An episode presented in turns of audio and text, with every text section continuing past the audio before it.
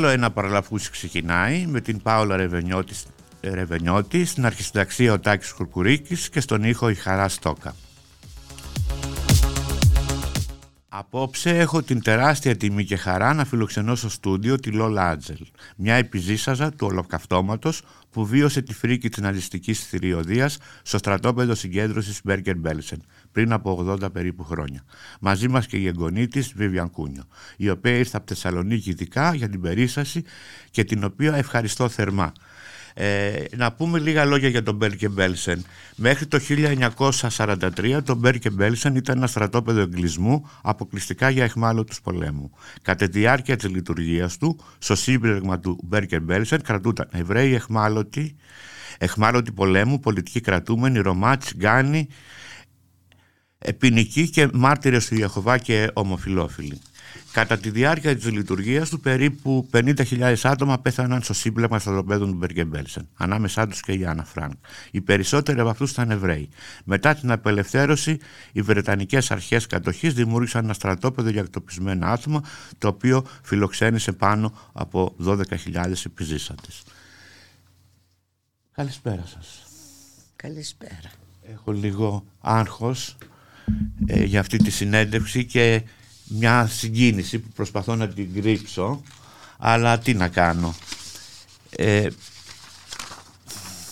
η σύλληψή σας από τους Ναζί έγινε το 1944 σωστά; Μπορείτε να μου περιγράψετε εκείνη τη σκηνή της σύλληψης όταν βία εισέβαλαν οι Γερμανοί στρατιώτες στο ναι. σπίτι σας; Ε, μέναμε σε ένα σπίτι στην πλατεία Βικτορίας κοντά στην Κιλφόρδου στο έκτο πάτωμα μιας πολυκατοικίας ένα πολύ μικρό διαμέρισμα.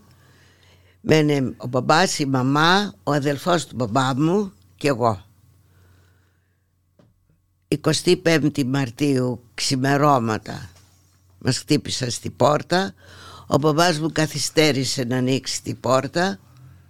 Έδωσε χρόνο στο μικρό του αδελφό να φύγει από την πόρτα υπηρεσίας να ανέβει στη ταράτσα και από ταράτσα σε ταράτσα εξαφανίστηκε Εκείνος τηλεφώνησε στην Ισπανική πρεσβεία γιατί εμείς είχαμε την Ισπανική υπηκότητα. Τηλεφώνησε στον πρέσβη της Ισπανίας και του είπε στα γαλλικά «με συλλαμβάνουν».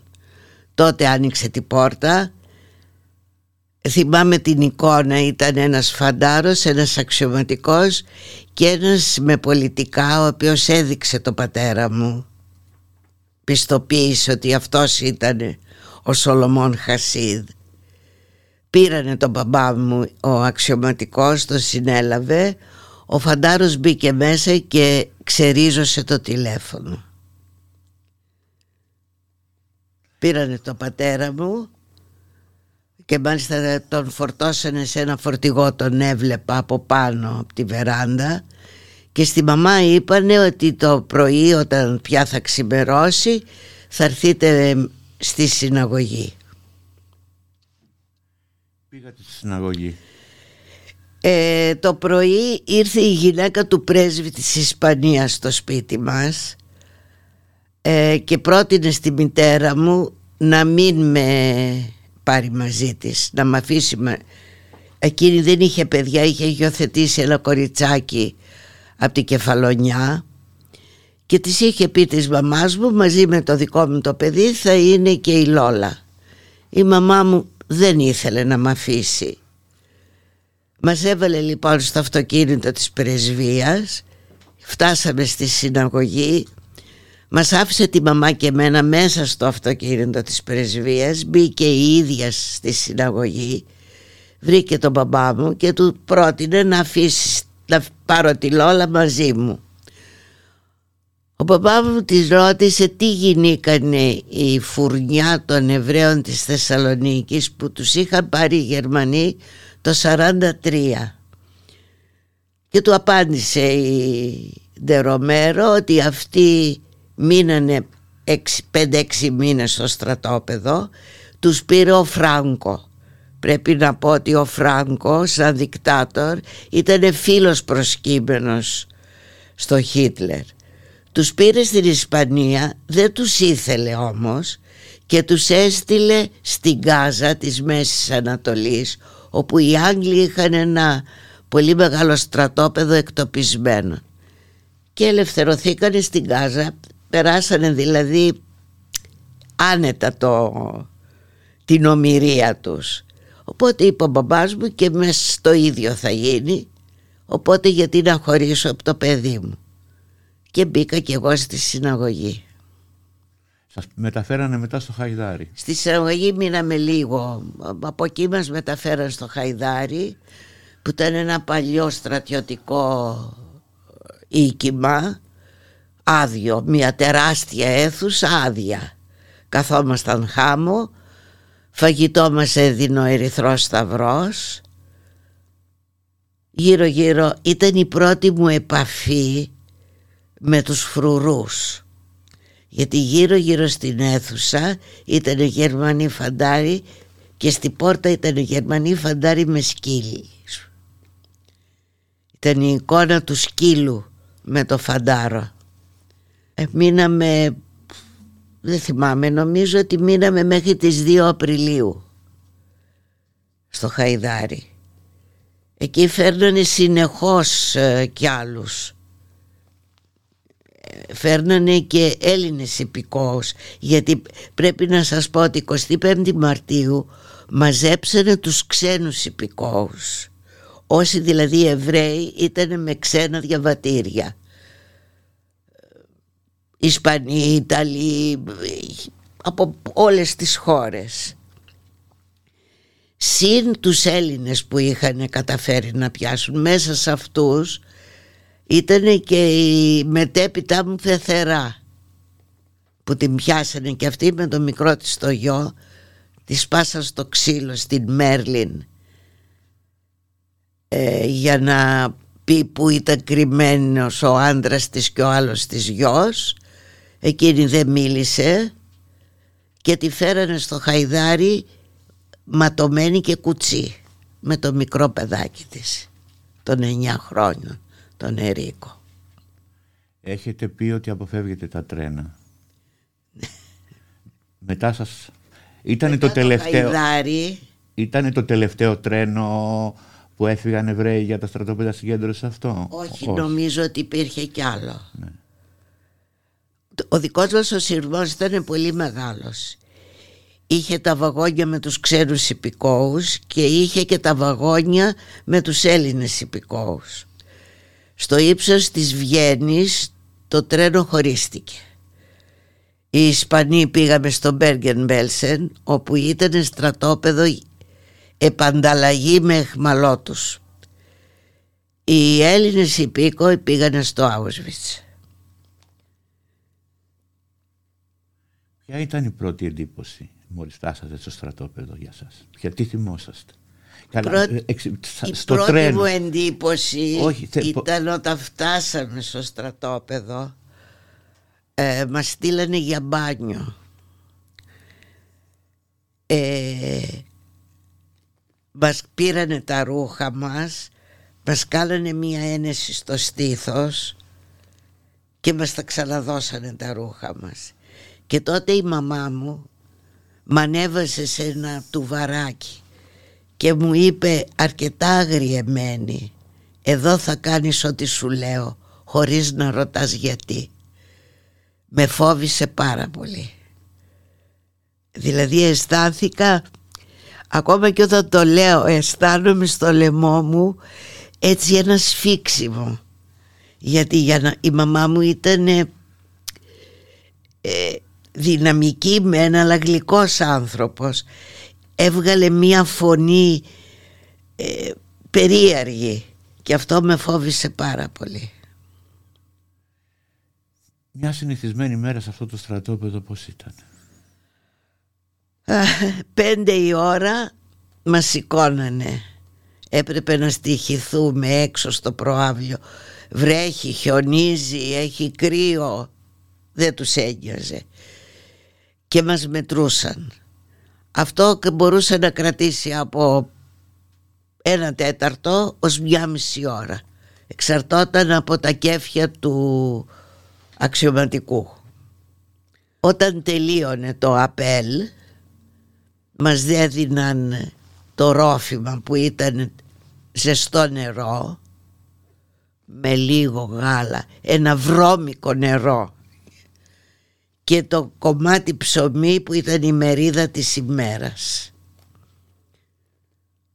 Ο μπαμπάς μου τον είχαν βάλει οι συγκρατούμενοι ε, να μοιράζει το φαγητό. Ήταν μεγάλη ευθύνη. Μοίραζε λοιπόν μια κουτάλα στους μεγάλους και μια μισή στα παιδιά. Τι κάναμε όλη την ημέρα. Εγώ είχα... Εγώ στο στρατόπεδο ήμουν έξι χρόνων. Είχα ένα φιλαράκι, ήταν πιο μικρό από μένα, το Λεωνί. Και την περνούσαμε έξω όλη την ημέρα, κοιτάζοντας τα ποντίκια που μπαίνανε και βγαίνανε από το οίκημα. Ή το χειμώνα παίρναμε, κόβαμε τους ταλακτήτες και τα κάναμε γλυφιτζούρια. Πόσο καιρό μείνατε; 13 μήνες. 13 μήνες. Ένα παιδί γιόρτασα τα γενέθλιά μου στο στρατόπεδο η μαμά μου είχε ένα κομματάκι ψωμί και έβαλε επτά σπίρτα, καμένα σπίρτα τα έβαλε και ήταν τα επτά μου κεράκια και μία κυρία μου χάρισε ένα κομματάκι εφημερίδα και προσπαθούσε να μου μάθει να διαβάζω γιατί είχα πάει πρώτη δημοτικού και έχω και τα τετράδια της πρώτης δημοτικού μέχρι το Φεβρουάριο. Το Φεβρουάριο δεν με στείλανε πια στο σχολείο. Και προσπαθούσε η κυρία αυτή να μου, κάνει, να μου μάθει να διαβάζω. Δεν νομίζω ότι πρόκοψε. Δεν έμαθα. Πώς είναι τώρα να, σε αυτή την τρυφερή ηλικία ενός ανθρώπου, δηλαδή να είναι αδιανόητο να, να ζεις σε τέτοιες συνθήκες φρίκης; Δεν ξέρω, ε, έχω την εντύπωση η, η μητέρα μου καταρχήν με έβαζε και κάνω δουλειέ. Ε, να στρώσω το κρεβάτι, να διπλώσω ε, τις κουβέρτες είχα ένα φιόγκο στο κεφάλι έπρεπε κάθε βράδυ να το βρέχω και να το κολλάω στο τοίχο για να είναι σιδερωμένο την επομένη ύστερα γέμισα ψήρες Οπότε όλη την ημέρα περνούσα καθιστή στο κρεβάτι με τη μαμά μου να με ξεψυρίζει και να μου κόβει τούφες από τα μαλλιά. Ήταν και η Άννα Φρανκ στο ίδιο. Η Άννα Φρανκ ήταν στο Auschwitz. Αλλά το Οκτώβρη, τον Οκτώβρη του 1944 για κάποιο λόγο που μετά μάθαμε ότι ήταν ότι δεν προλαβαίνανε πια στο Auschwitz να σκοτώνουν στείλανε μια ομάδα γυναίκες στο Μπέργκεν Μπέλσεν όπου τότε είχε φουντώσει η φυματίωση και ο τύφος. Τη στείλανε ε, οι συνθήκες που ζούσαν αυτές ήταν φρικτές γιατί αυτές μέναν σε κάτι ξεσκισμένες σκηνές δεν είχαν στέγη ε, και οι περισσότερες παθαίνανε τύφο και πεθαίνανε. Πεθερά μου Φερρυπίν είχε έρθει και αυτή. Χωρίς βέβαια το παιδί, το παιδί μόλις έφτασε στο Auschwitz το στείλανε στους θαλάμους αερίων και εκείνη δεν την αφήσαν να ακολουθήσει γιατί ήξερε γερμανικά και αγγλικά και γαλλικά και τη θέλανε για μεταφράστρια.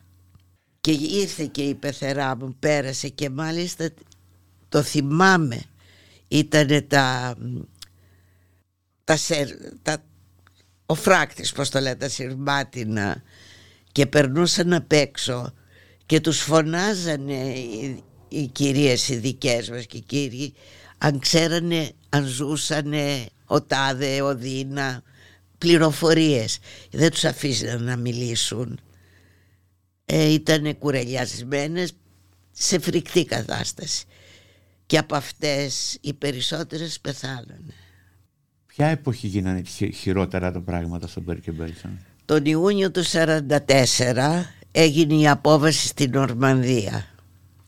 Αυτό ήταν το τέλος της Γερμανίας. Και ήταν ε, η χαρά η δική μας, δεν ξέρω πώς το μάθαμε, μαθεύτηκε στο στρατόπεδο. αλλά ήταν κακό σημάδι για μας γιατί τότε κόπηκε το φαγητό. Ε, σκλήριναν τα μέτρα. Για ένα τίποτα ας πούμε μπορούσες να φας κλωτσιά να φας μαστίγωμα δεν, δεν υπήρχε ο πατέρας μου ε, φέρανε μια φορά τη σούπα και είχε δέκα πόντους ε, μούχλα και είπε ο πατέρας μου ότι εγώ δεν τη μοιράζω αυτή τη σούπα όποιος θέλει να φάει να είναι υπεύθυνος. Ε, και βέβαια κανένας δεν έφαγε χαλασμένη σούπα. Ήρθε στο απέλ το βράδυ ο Γερμανός και το ρώτησε γιατί δεν μοίρασε τη σούπα. Και του είπε στα γαλλικά μα έχει μπούχλα. Του στράψε μια κλωτσιά στο καλάμι. Ο πατέρας μου πέθανε 100 χρόνων. Ακόμα είχε τη τρύπα. Είχε κάνει ένα βαθούλωμα το κόκαλο εκεί που τον είχε κλωτσίσει. Το Μπέρκεν Μπέλσεν πότε απελευθερώθηκε; 13 Απριλίου. Αλλά εμείς δεν ήμασταν εκεί. Ε, γύρω αρχές Απριλίου μας ξαναβάλανε στα τρένα. Τους ξένους υπηκόους. Και μας πηγαίναν βόρεια. Βομβαρδισμοί, θυμάμαι η μαμά έπεφτε από πάνω μου και ο μπαμπάς μου πάνω από τη μαμά. Ο μπαμπάς μου ήταν και άρρωστος, είχε τύφο και κάνανε έτσι μια σπηλιά με τα σώματά τους ώστε εγώ αν πέσει βόμβα εγώ να σωθώ. Φτάνοντας στο ύψος της λίμνης του Μαγδεμβούργου πετάξανε τα διαβατήριά μας στο νερό, στη λίμνη. Αυτό το κακό σημάδι. Σήμαινε ότι μας είχαν διαγράψει. Κατά κάποιο τρόπο θα μας σκοτώνανε. Δεν πρόλαβαν. Γινότανε μάχη οι Γερμανοί που ήταν φύλακες του τρένου το σκάσαν και μας αφήσαν κλειδωμένους μέσα. Βλέπαμε από τους φεγγίτες ότι φεύγαν οι Γερμανοί. Ακούγαμε και τους πυροβολισμούς που γινότανε μάχη.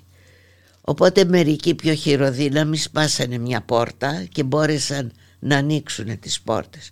Δεν είχαμε όμως τροφή ε, πηγαίνανε η νεολαία και έκλεβε από τα χωράφια τα κοκκινογούλια που κάνουν τη ζάχαρη.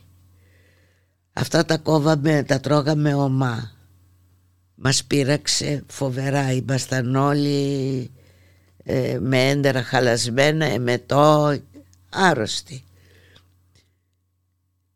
Η μητέρα μου είχε μαζί της ένα μπόγο που είχε, είχε ένα κατσαρολάκι και με είχε στείλει να μαζέψω ξυλάκια για να βράσει τα παντζάρια.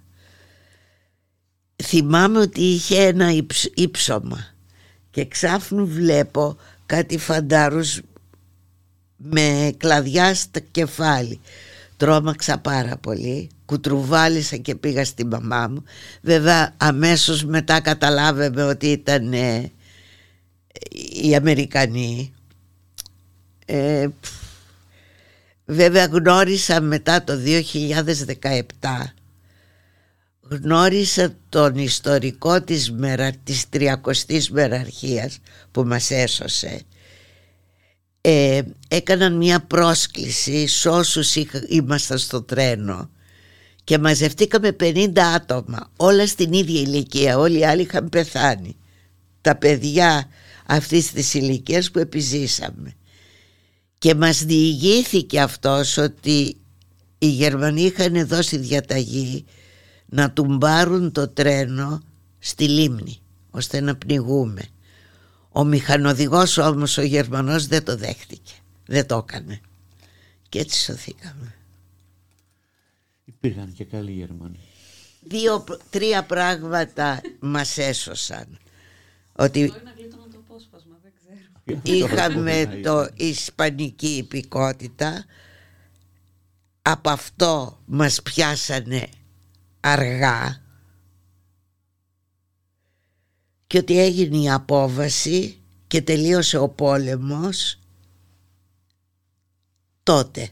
Γιατί αν μέναμε, αν ένα χρόνο παραπάνω μέναμε, εγώ δεν θα ήμουν ζωντανή σίγουρα.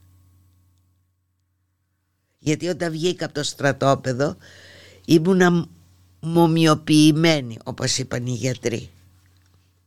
Τι έγινε μετά από εκεί; Μετά μας πήραν οι, οι Αμερικανοί ε, με τα πόδια.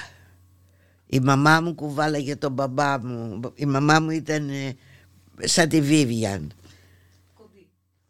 και κουβαλούσε τον μπαμπά μου που ήταν ένα και 90.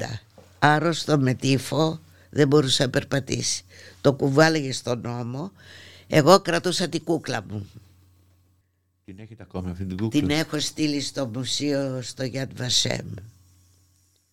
Και μας πήγανε σε ένα χωριό, το Φάρς Λέμπεν, όπου εκεί ο Αμερικανός ο διοικητής ζήτησε από το κοινοτάρχη οι οικογένειες με παιδιά να φιλοξενηθούν σε γερμανικά σπίτια και αυτός αρνήθηκε. Ε, του έδωσε να καταλάβει ότι δεν θα περνούσε καλά εάν κρατούσε, έλεγε συνέχεια όχι. Και καταλήξαμε σε ένα γερμανικό σπίτι με έναν φαντάρο Αμερικάνο έξω από την πόρτα. Μας δώσανε φαγητό, μας δώσανε ζεστό νερό, σκεφτείτε ότι είχα να πληθώ από τις 25 Μαρτίου του 44 και ήμασταν Απρίλη του 45 13 μήνες.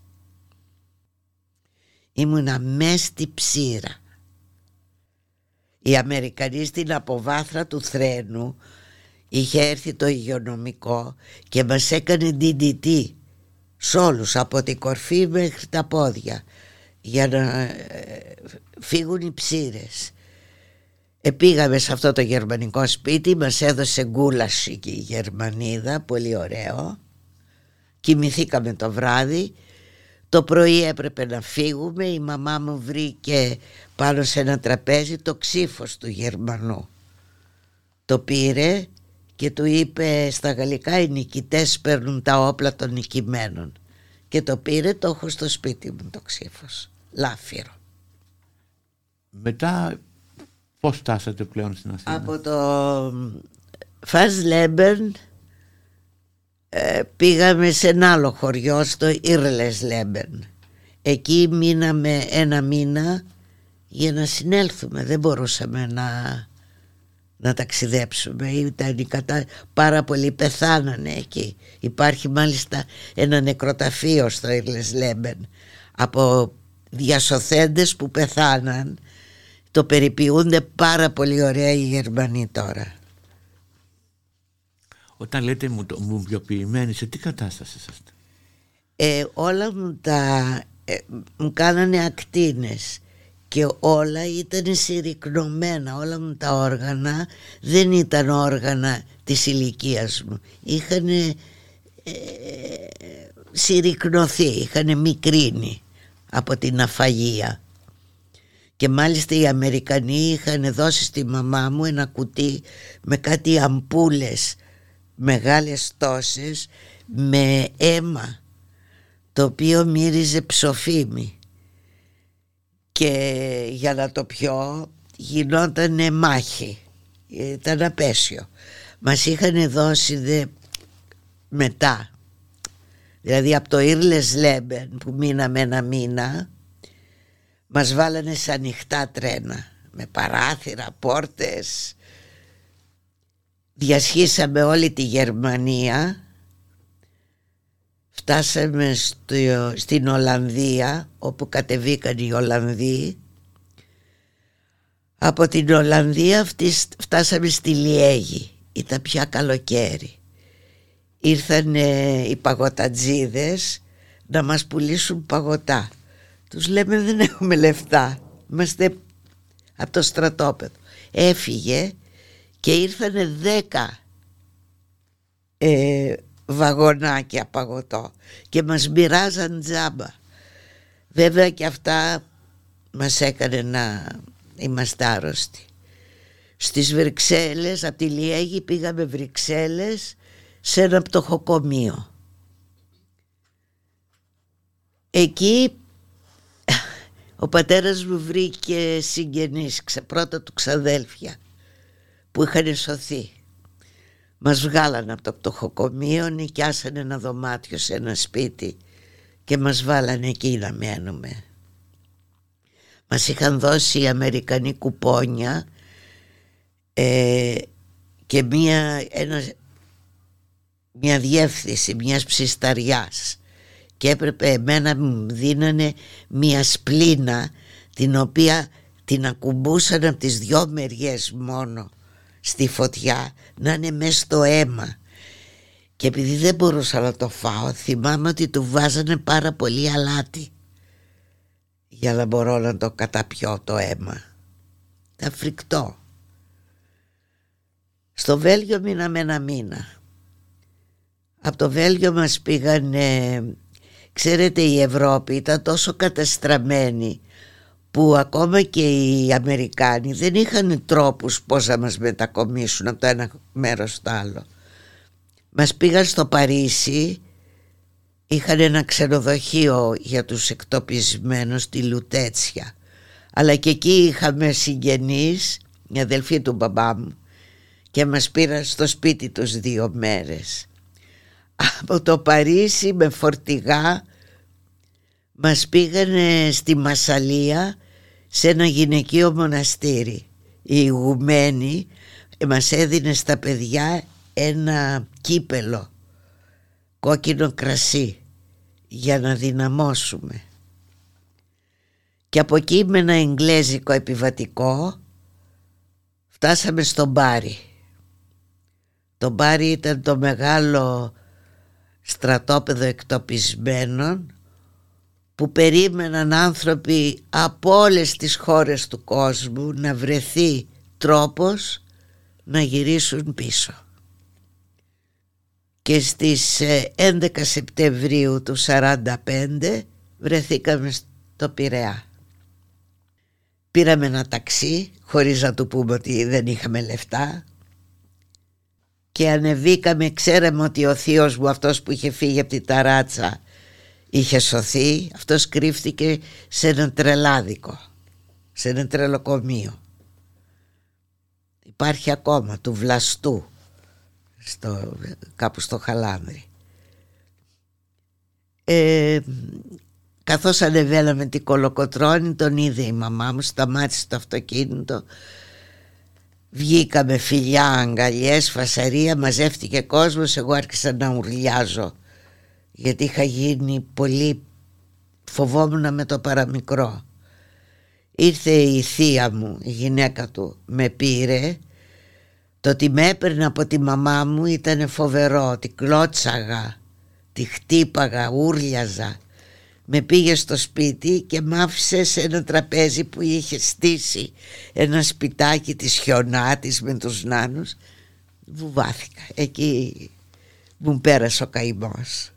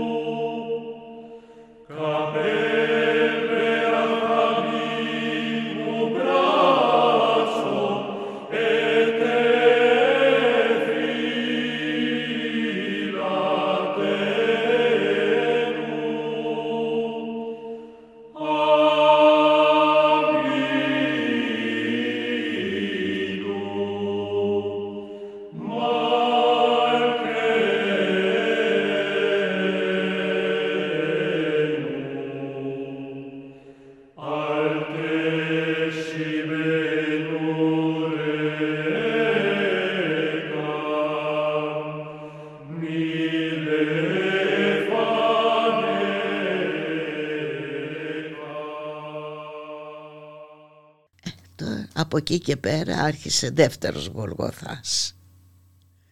Ο Γολγοθάς δεν είχαμε σπίτι, δεν είχαμε χρήματα, ζούσαμε για ένα διάστημα στο θείο μου.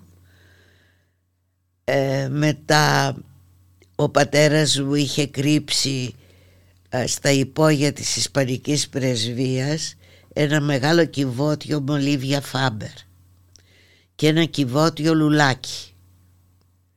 Αυτά τα βάλε στο νόμο του, τα πούλησε, αγόρασε κάτι άλλο, δέκα χρόνια παιδεύτηκε για να μπορέσουμε να νοικιάσουμε ένα σπίτι.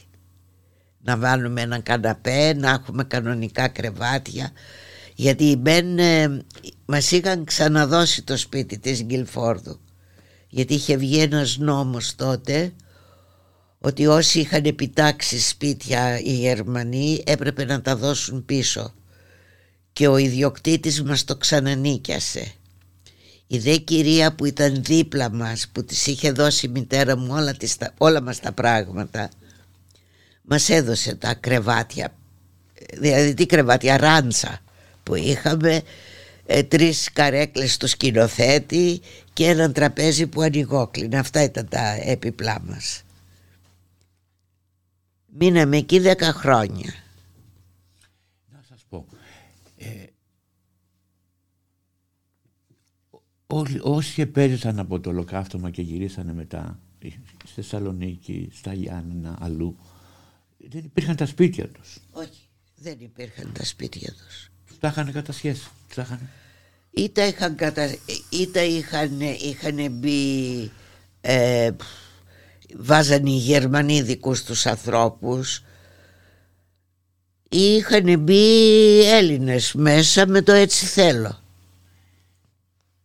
Δεν, δεν υπήρχε ε, εγώ ξέρω ας πούμε το μαγαζί του θείου μου που θεωρείται το πρώτο μαγαζί με μαλλιά και είδη και και τα λοιπά που ήταν μεγάλο μαγαζί στη Θεσσαλονίκη με το που έφυγε ο θείος μου μπήκε κάποιος το πήρε και σήμερα στη Θεσσαλονίκη αυτός ο κύριος έχει το μεγαλύτερο μαγαζί μαλλιών και είδη και στη Θεσσαλονίκη Όταν ε, προχωρούσα στο Βερολίνο την τελευταία φορά που είχα πάει ε, μου έκανε εντύπωση αυτές οι χρυσές πλακέτες που είναι... Είναι για ανθρώπους που δεν γύρισαν. Πώς εξηγείται να μην υπάρχει μια τέτοια πλακέτα στη Θεσσαλονίκη; Υπάρχει νομίζω υπάρχει. Στη Θεσσαλονίκη. Υπάρχει. υπάρχει. Στη Θεσσαλονίκη. Κοιτάξτε τώρα η, η κοινό της Θεσσαλονίκης κινείται πάρα πολύ ε, και το κράτος προσπαθεί αλλά με δειλά ε, με δειλά βηματάκια. Είναι δυνατόν μετά από 80 χρόνια να μην έχει φτιαχτεί εκεί ένας δρόμος ε, μαρτύρων του ολοκαυτώματος και να ε, μπουτάρεις νομίζω. Δεν ξέρω. Μη σας βάζω σε αυτές τις ερωτήσεις. Ναι, ε, δεν θέλω να επεκταθώ σε αυτά. Εντάξει. Κρατάτε μίσος για τους Γερμανούς. Φεύγει αυτό το μίσος. Όχι ποτέ. μίσος, δεν τους συγχωρώ ότι μου φάγανε τα παιδικά μου χρόνια γιατί εγώ όταν γύρισα από το στρατόπεδο ήμουνα πια μεγάλη. Ήμουνα ε, πώς να πω όχι γερασμένο παιδί αλλά ήμουνα ήμουνα πολύ μεγάλη πια ενώ γύρισα και ήμουν 8 χρόνων το μυαλό μου ήταν πολύ πιο μεγάλο. Η παιδικότητά μου η αθωότητα αν θέλετε ενός παιδιού δεν την είχα πια. Ήμουνα ε, θυμάμαι ας πούμε ότι ε, έφερνε ο μπαμπάς μου κοτόπουλο και θα σας το πω γιατί.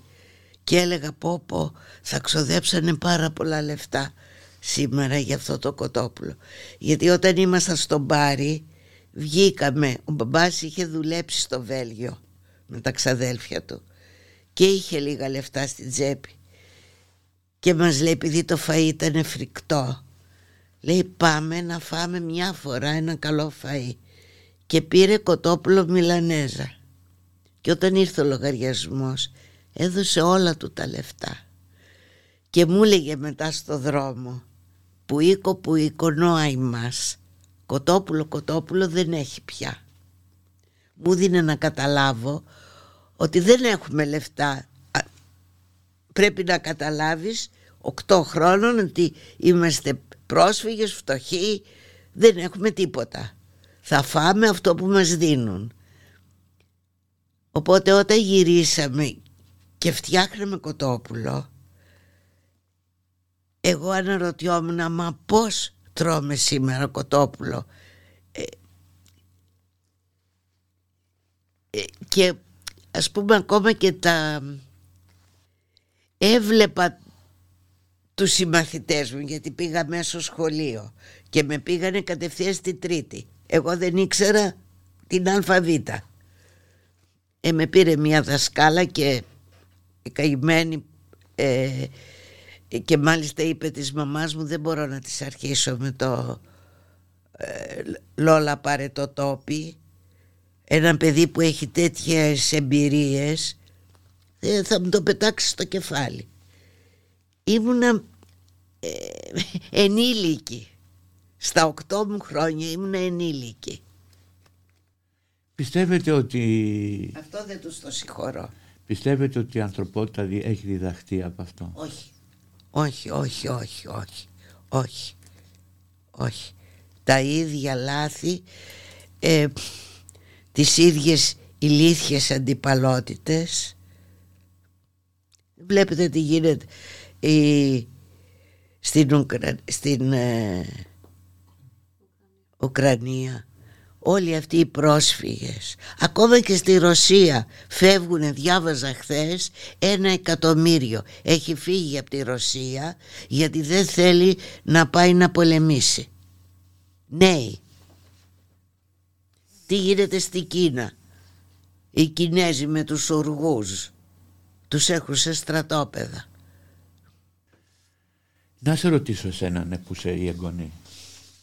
Αυτό το τραύμα εσύ πώς το κουβαλάς; Ήταν και ο παππούς σου στο Auschwitz. Ναι. εγώ από τότε που θυμάμαι τον εαυτό μου νομίζω ότι έχω μνήμες του, του ολοκαυτώματος.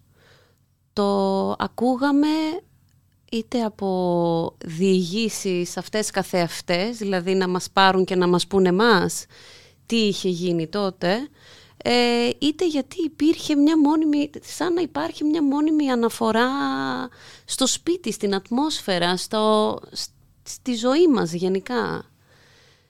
Ε, οπότε έγινε κατά κάποιον τρόπο σαν ένα ε, αξεχώριστο κομμάτι της, ε, της προσωπικότητας. Όπου κάποια στιγμή, από ένα σημείο και μετά, στο μυαλό σου το νορμαλοποιείς σαν να γίνεται κάτι φυσικό, σαν αυτό που το έχεις ακούσει τόσες φορές, σαν να μην έχει πια την βιαιότητα και τη φρίκη, γιατί έχει γίνει πλέον νορμάλ στο μυαλό, που δεν είναι καθόλου αυτό βέβαια. Όπου σιγά σιγά, ε, ναι με νιώθεις, νομίζεις ότι είναι νορμάλ, αλλά έχει μπει μέσα βαθιά. Ε, και έχει γίνει τραύμα, απλά δεν το έχεις καταλάβει. Και όταν, ε, όταν ε, έπρεπε να επιλέξω σπουδές, ε, σκέφτηκα ότι εγώ θέλω να, να δουλέψω πάνω στο κομμάτι του προσφυγικού μεταναστευτικού. Γιατί ένιωθα ότι εκεί πρέπει να πάω, ότι σαν η πρόγονή μου τότε θα πρέπει με κάποιον τρόπο αυτούς τους ανθρώπους σαν να, χρωστά, σαν να, σαν να πρέπει να υποστηρίξω τουλάχιστον τους σημερινούς. Οπότε επέλεξα αυτές τις ε, σπουδές και όταν πλέον επέστρεψα πίσω από το μεταπτυχιακό γιατί το είχα κάνει στην Ολλανδία μπήκα στο, στο στέκι μεταναστών στη Θεσσαλονίκη. Και μετά άρχισα να δουλεύω το 2015, ήταν η πρώτη φορά που άρχισα να δουλεύω στην υποστήριξη προσφύγων και πήγα στην Ιδωμένη. Όπου η Ιδωμένη ήταν ένα, ε, ήταν, ναι, ένα, ένα πέρασμα. Όπου αρχικά αυτό το πέρασμα ήταν ανοιχτό. Δηλαδή όλο αυτό το πράγμα που λέγαμε πάντα ανοιχτά σύνορα ήταν πλέον εκεί και, και γινόταν πράξη. Και ήταν φοβερό. Γιατί πλέον ένιωθα σαν να υποστηρίζω τους ανθρώπους που, που δεν, τους δικούς μου ανθρώπους και σαν να αποχαιρετάω αλλά για καλό λόγο αυτούς τους ανθρώπους σε μια καλύτερη ζωή. Βέβαια μετά όταν έκλεισαν τα σύνορα αυτό γύρισε. Δηλαδή το θετικό συνέστημα που υπήρχε ότι, ότι πλέον αυτοί οι άνθρωποι πάνε σε μια καλύτερη ζωή γίνεται μια ε, φυλακή. Δηλαδή η δομένη μετατράπηκε σε μια φυλακή. Ε, και εγώ έπρεπε να υποστηρίζω ε, ανθρώπους που ουσιαστικά ήταν ε, φυλακισμένοι εκεί. Και ενώ θέλανε να φύγουν δεν τους επέτρεπα να φύγουν και μάλιστα δούλευα με παιδιά. Δηλαδή ήμουνα στα συνόδευτα οπότε ε, ε, ένιωθα σαν να, σαν να βοηθάω, σαν να υποστηρίζω αλλά χωρίς να μπορώ να κάνω πολλά ε, τους δικούς μου ανθρώπους εκείνη την ηλικία. Ε, οπότε αυτό έσκασε. Έσκασε το τραύμα. Ε, και κατάλαβα ότι και πλέον δεν μπορούσα πολύ να το διαχειριστώ. Ε, οπότε όταν τελείωσε αυτή η διαδικασία της ειδωμένης, γιατί κάποια στιγμή έκλεισε εκείνο το, εκείνος ο χώρος και τους διώξαν τους ανθρώπους από εκεί και τους μετέφεραν αλλού, ε, ε, δεν μπορούσα πλέον, δεν ένιωθα εγώ σαν να μην νιώθω πλέον, σαν να, σαν να μην έχω συναισθήματα απέναντι σε τίποτα. Οπότε εκεί σιγά σιγά άρχισα να το, να το δουλεύω ε, και, και πλέον ε, έχει μπει σε μια σαν να έχει μπει μέσα μου ξανά, αλλά σε μια πλέον νορμάλ κατάσταση και όχι ε, σε μια ενώ να καταλαβαίνω τη βιαιότητά του και να μην αποτελεί αυτό νορμάλ μέσα στο μυαλό μου όπως αποτελούσε όταν ήμουν μικρή. Αν υπάρχει αντισημιτισμός έντονος στην Ελλάδα; Κοιτάξτε, προσωπικά δεν έχω αισθανθεί έντονο αντισημιτισμό. Βέβαια υπάρχουν ε, αυτά που βλέπεις ας πούμε τα δύο, το μνημείο της Αθηνό, των Αθηνών το μνημείο της Θεσσαλονίκης το οποίο συνεχώς βανδαλίζεται. Αυτά δεν είναι καλά σημάδια. Βέβαια μου είπανε ότι βγήκε η Ελλάδα μία από τις χώρες της Ευρώπης με το υψηλότερο ποσοστό αντισημιτισμού. Δεν το ξέρω. Εγώ προσωπικά από τις φίλες μου ας πούμε δεν έχω δεχθεί ε, αντισημιτισμό. Στο σχολείο ναι. Στο σχολείο δέχτηκα. Ε, με είπε κάποια φύγει από εδώ παλιοεβραία.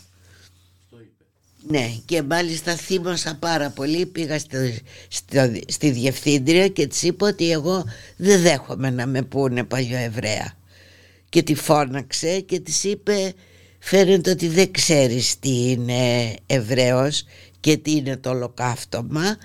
Θα κάνεις μια εργασία που θα την ε, πεις μπροστά από όλο το σχολείο και αν θέλεις πληροφορίες και βοήθεια θα ρωτήσεις από τη Λόλα. Να σας πω όταν ανέβηκε και στις δύο θα ήθελα να κάνω αυτήν την ερώτηση. Ναι. Όταν ανέβηκε η Χρυσή Αυγή, πώς αισθανθήκατε; Εγώ τους είχα και δίπλα μου. Εγώ πάρα πολύ θύμωσα και δει στο χωριάτι. Εγώ είχα μια νταντά την Αργυρό και όταν φεύγαμε από τη Θεσσαλονίκη η Αργυρό ήθελε να έρθει μαζί μας. Και της είπε ο μπαμπάς μου κούκλα μου εσύ έχεις τις γονείς σου στο χορτιάτι να λεφτά πάρε τα λεφτά αυτά γιατί εμείς θα κρυφτούμε πώς να σε φέρνω στην Αθήνα μαζί μου. Και την έστειλε στο χωριό της. Εκεί όμως για αντίπεινα τους κάψανε στην εκκλησία. Και έχουν μία πλάκα και πριν χρόνια είχα πάει και είχα δει το όνομα της Αργυρός και η Αργυρό και οι κάτοικοι του Χορτιάτη ψηφίσανε Χρυσή Αυγή και μου ερχόταν να ξεφωνήσω. Να μου μιλήσετε λίγο για τις ρίζες σας, για τους σεφαραδίτες ε, Εβραίους της Θεσσαλονίκης. Χάθηκε και αυτή η γλώσσα, μιλιέται τα Λαντίνο. Εγώ μιλούσα Λαντίνο με το πατέρα μου και γαλλικά με τη μητέρα μου. Με το παππού και τη γιαγιά μιλούσα Λαντίνο. Τώρα δυστυχώς πια δεν έχω με ποιον να μιλήσω. Καμιά φορά όταν πάω ξέρω εγώ σε καμιά γιορτή της συναγωγής και είναι κανένας παλιός ε, θα πούμε δυο κουβέντες στα Λαντίνο αλλά δεν έχω πια ευκαιρίες να μιλήσω Εσύ τα ξέρεις όχι τίποτα. Κάποιες λέξεις σκόρπιες ε, που ακούγαμε από μικρά και ακόμα τις κουβαλάμε, αλλά όχι να μιλήσω, να μιλήσω, όχι. Ο σύζυγός σας ε, πότε τον εγνωρίζει, πότε... Ε, ο σύζυγός μου είχε και αυτός κατέβει από τη Θεσσαλονίκη με τους γονείς της. Ο πατέρας του κρύφτηκε σε κάποιο δικηγόρο Παπαχελά δεν ξέρω αν έχει συγγένεια με, το, με τον δημοσιογράφο. Δεν ξέρω. Ε, ο δε άντρας μου κρύφτηκε στους κεφάλα. Αυτοί είχαν την ε, αθηναϊκή χαρτοποιία. Ο πεθερός μου είχε στη Θεσσαλονίκη μία χαρτοποιία. Την ελληνική χαρτοποιία Μακεδονίας. Και μέσω αυτού γνώρισε τον κεφάλα πρέπει να πω ότι ρώτησε πρώτα και άλλους του συναφιού του ε, χαρτέμπορους αν μπορούσαν να τον βοηθήσουν να το κρύψουν και αρνήθηκαν. Ο Κεφάλας ήταν ο μόνος ο οποίος δέχτηκε παρόλο που στο σπίτι που πήρανε τον άντρα μου ήταν τρία παιδιά και μια γιαγιά και το ζευγάρι και την πεθερά μου την είχαν κρύψει πρώτα οι αδελφοί της κυρίας Κεφάλα μετά η πεθερά μου έφυγε από εκεί γιατί το σπίτι που την έκρυβαν ήταν μακριά από το σπίτι όπου κρυβόταν η μαμά της και μετακόμισε σαν υπηρέτρια στο σπίτι του γραμματέα της Ισπανικής Πρεσβείας του Πατζεύσκη. Όταν πιάσαν τη γιαγιά Φαίνεται ότι η γιαγιά είπε, κάποιος άλλος είπε και πήγανε στο, στο Πατσεύσκι και την πιάσανε. Είχε τότε, ε, έγινε πολύ μεγάλη φασαρία γιατί Ισπανός ε, διπλωμάτης της Ισπανικής πρεσβείας έκρυβε μια Εβραία που ο πρέσβης της Ισπανίας ο Ντερομέρο τον υποβίβασε ο Φράγκο από πρέσβη σε πρόξενο. Ξανά γίνε πρέσβης μετά το πόλεμο και έχει γίνει δίκαιος των εθνών. Από τη γενιά σας από εδώ στην Αθήνα πόσοι επιβιώσανε, πόσοι ζουν ακόμη. Ε, ζούμε λίγοι, λίγοι και δυστυχώς δεν είναι καλά στην υγεία τους. Και γι' αυτό και ακούτε εμένα μόνο να μιλάω. Γιατί εγώ δεν μιλούσα μέχρι πρώτη Αυτό μου κάνει εντύπωση και θέλω να σας ε, δεν σκεφτόμουν να μην την κάνω αυτή την ερώτηση. Αλλά πάντα μου έκανε μεγάλη εντύπωση το ότι υπήρχαν άνθρωποι που ζήσανε στα στρατόπεδα συγκέντρωσης και για πολλά χρόνια δεν μιλάγανε για αυτά. Κοιτάξτε, ε, ο πατέρας μου, η μητέρα μου, η πεθερά μου όταν ήρθε ο Σπίλμπεργκ και ζήτησε να πάρει ε, συνέντευξη από τους επιζήσαντες αρνήθηκαν. Δεν θέλησαν να μιλήσουν. Εμείς, ο άντρας μου και εγώ μιλήσαμε. Μετά σταματήσαμε για πάρα πολλά χρόνια. Τώρα ε, πέρσι ουσιαστικά με, με πήραν από την κοινότητα κυρία Άντζελ. Ελάτε να ανάψετε ένα κερί που ανάβαμε στην ημέρα μνήμης. Και τους λέω γιατί εγώ ρε παιδιά είναι μεγαλύτερη μου λέει κυρία Άντζελ μου πεθάνανε οι μεγαλύτεροι και δεν έμεινε κανένας και τότε αντιλήφθηκα σκεπτόμενοι ποιοι άλλοι ήταν μαζί μας στο τρένο. Ο Τάδε, ο Δίνα δεν υπάρχουν. Η Τούτη έχει Αλσχάιμερ ο άλλος δεν μπορεί και τότε είπα όχι θα μιλήσω και έτσι πήρα την απόφαση να, μιλή, να ξεκινήσω να μιλάω. Μέχρι πρόπερση με ήξερε κανένας δεν μιλούσα ποτέ Πρέπει να τα, να τα μάθουμε, να τα μαθαίνουν αυτά τα πράγματα για να μην... Διηγόμουν στα παιδιά μου και στα εγγόνια μου. Αυτό ναι. Αλλά... Γιατί πιστεύετε ότι οι άνθρωποι φοβούνται τόσο πολύ ότι διαφέρει από αυτούς; Ότι διαφέρει. Δεν ξέρω τι κάνει τον άνθρωπο να έχει τέτοιες αναστολές. Δεν ε, εμένα ας πούμε φίλες οι οποίες με αγαπάνε το ξέρω ότι με αγαπάνε και μου έχουν σταθεί μου λένε ότι είσαι διαφορετική.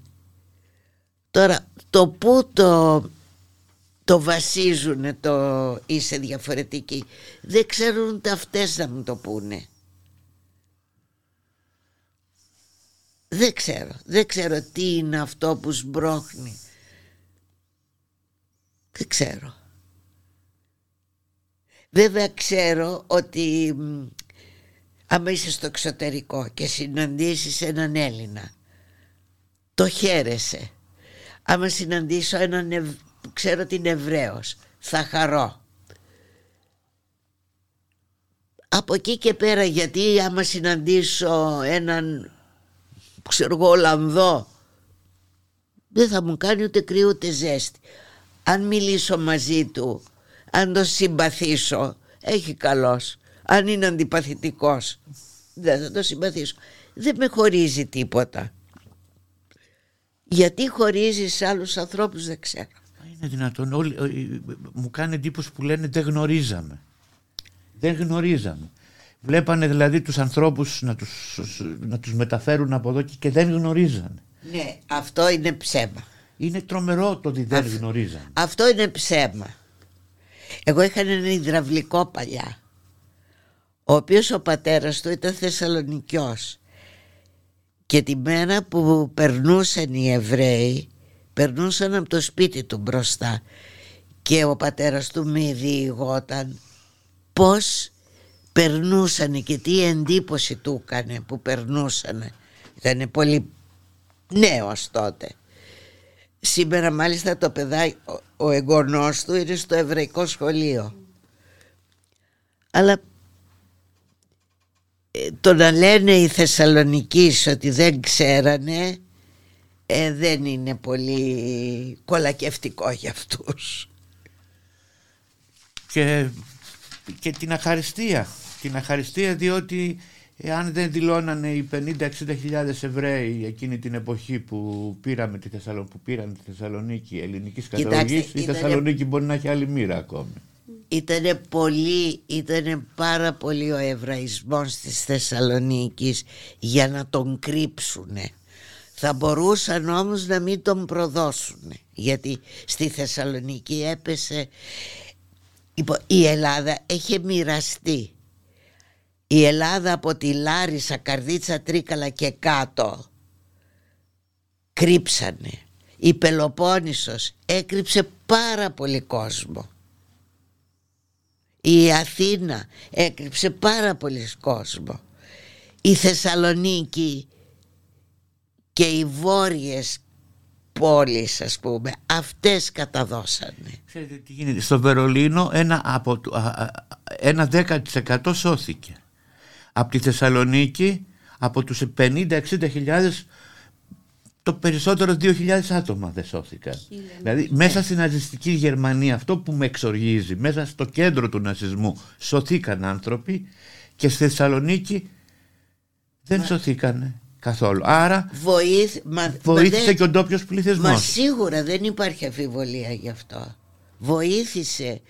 Ε, τους πείσανε κατά κάποιο τρόπο ότι έτσι και φεύγαν οι Εβραίοι θα γινόντουσαν όλοι πλούσιοι. Όλοι πλούσιοι.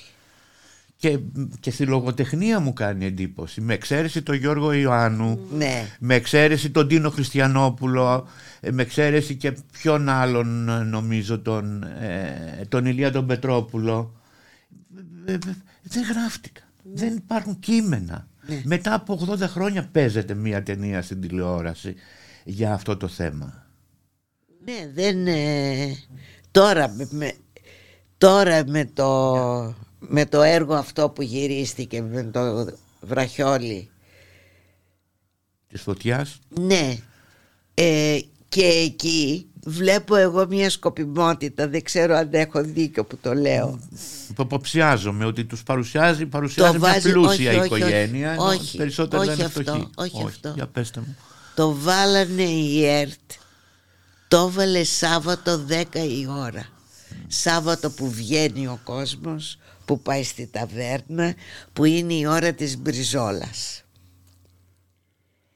Έχω την εντύπωση κακός ίσως, είμαι κακιά αυτή τη στιγμή έτσι που το λέω αλλά έχω την εντύπωση ότι έκανε ένα πολύ μεγάλο βήμα η, η ΕΡΤ πάρα πολύ μεγάλο βήμα.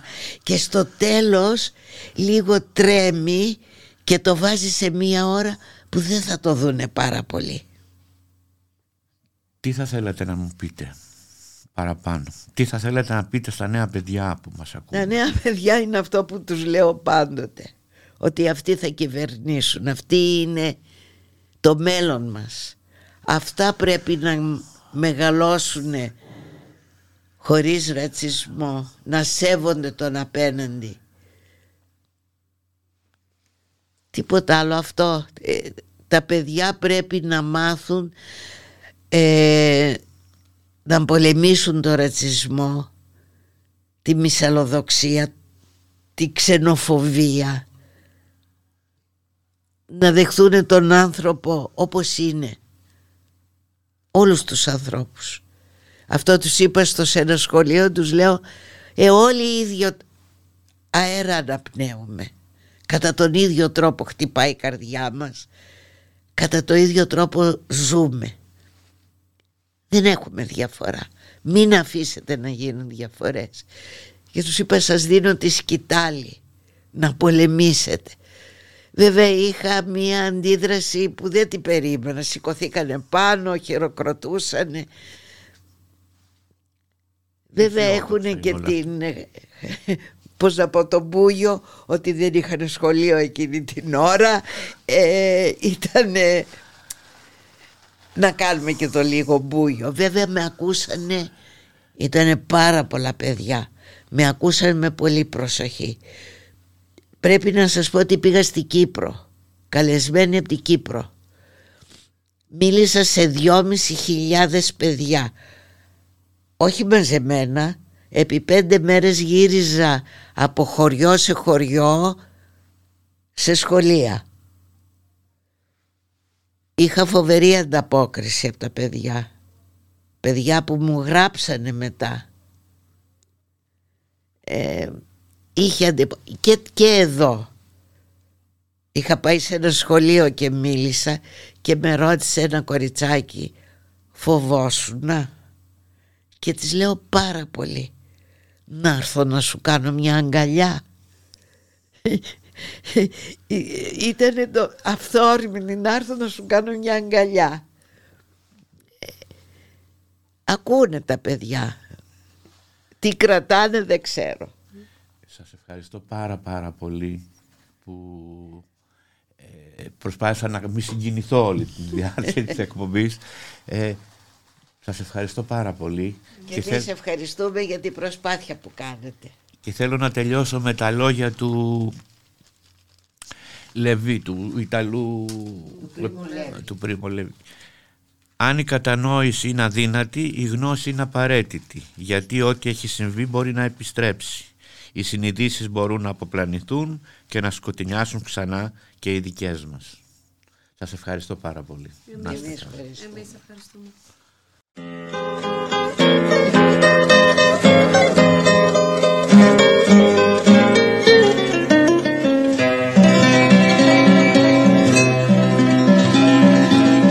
la re di Broda caposta via, grava e nel cielo la estreria, di la santa e la giuderia, che a via della sera la mamma mia. Abraham Avinu Padre querido Padre bendito luz de Israel. Abraham vino, Padre querido, Padre bendito, luz de Israel.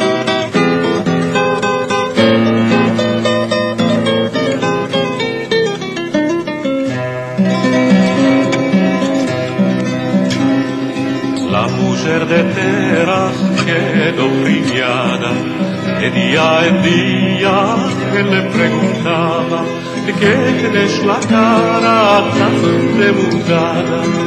Ella sabía el bien que tenía. Abraham vino, Padre querido, Padre bendito, luz de Israel.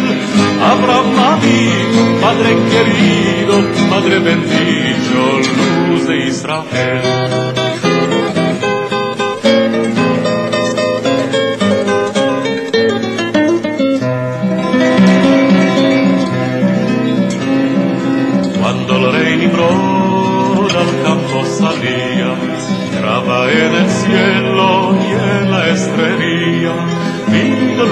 santa e la chiuderia che había de nacer Abraham Avinu.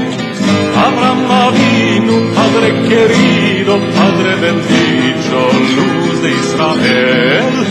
Abraham Avinu, Padre querido.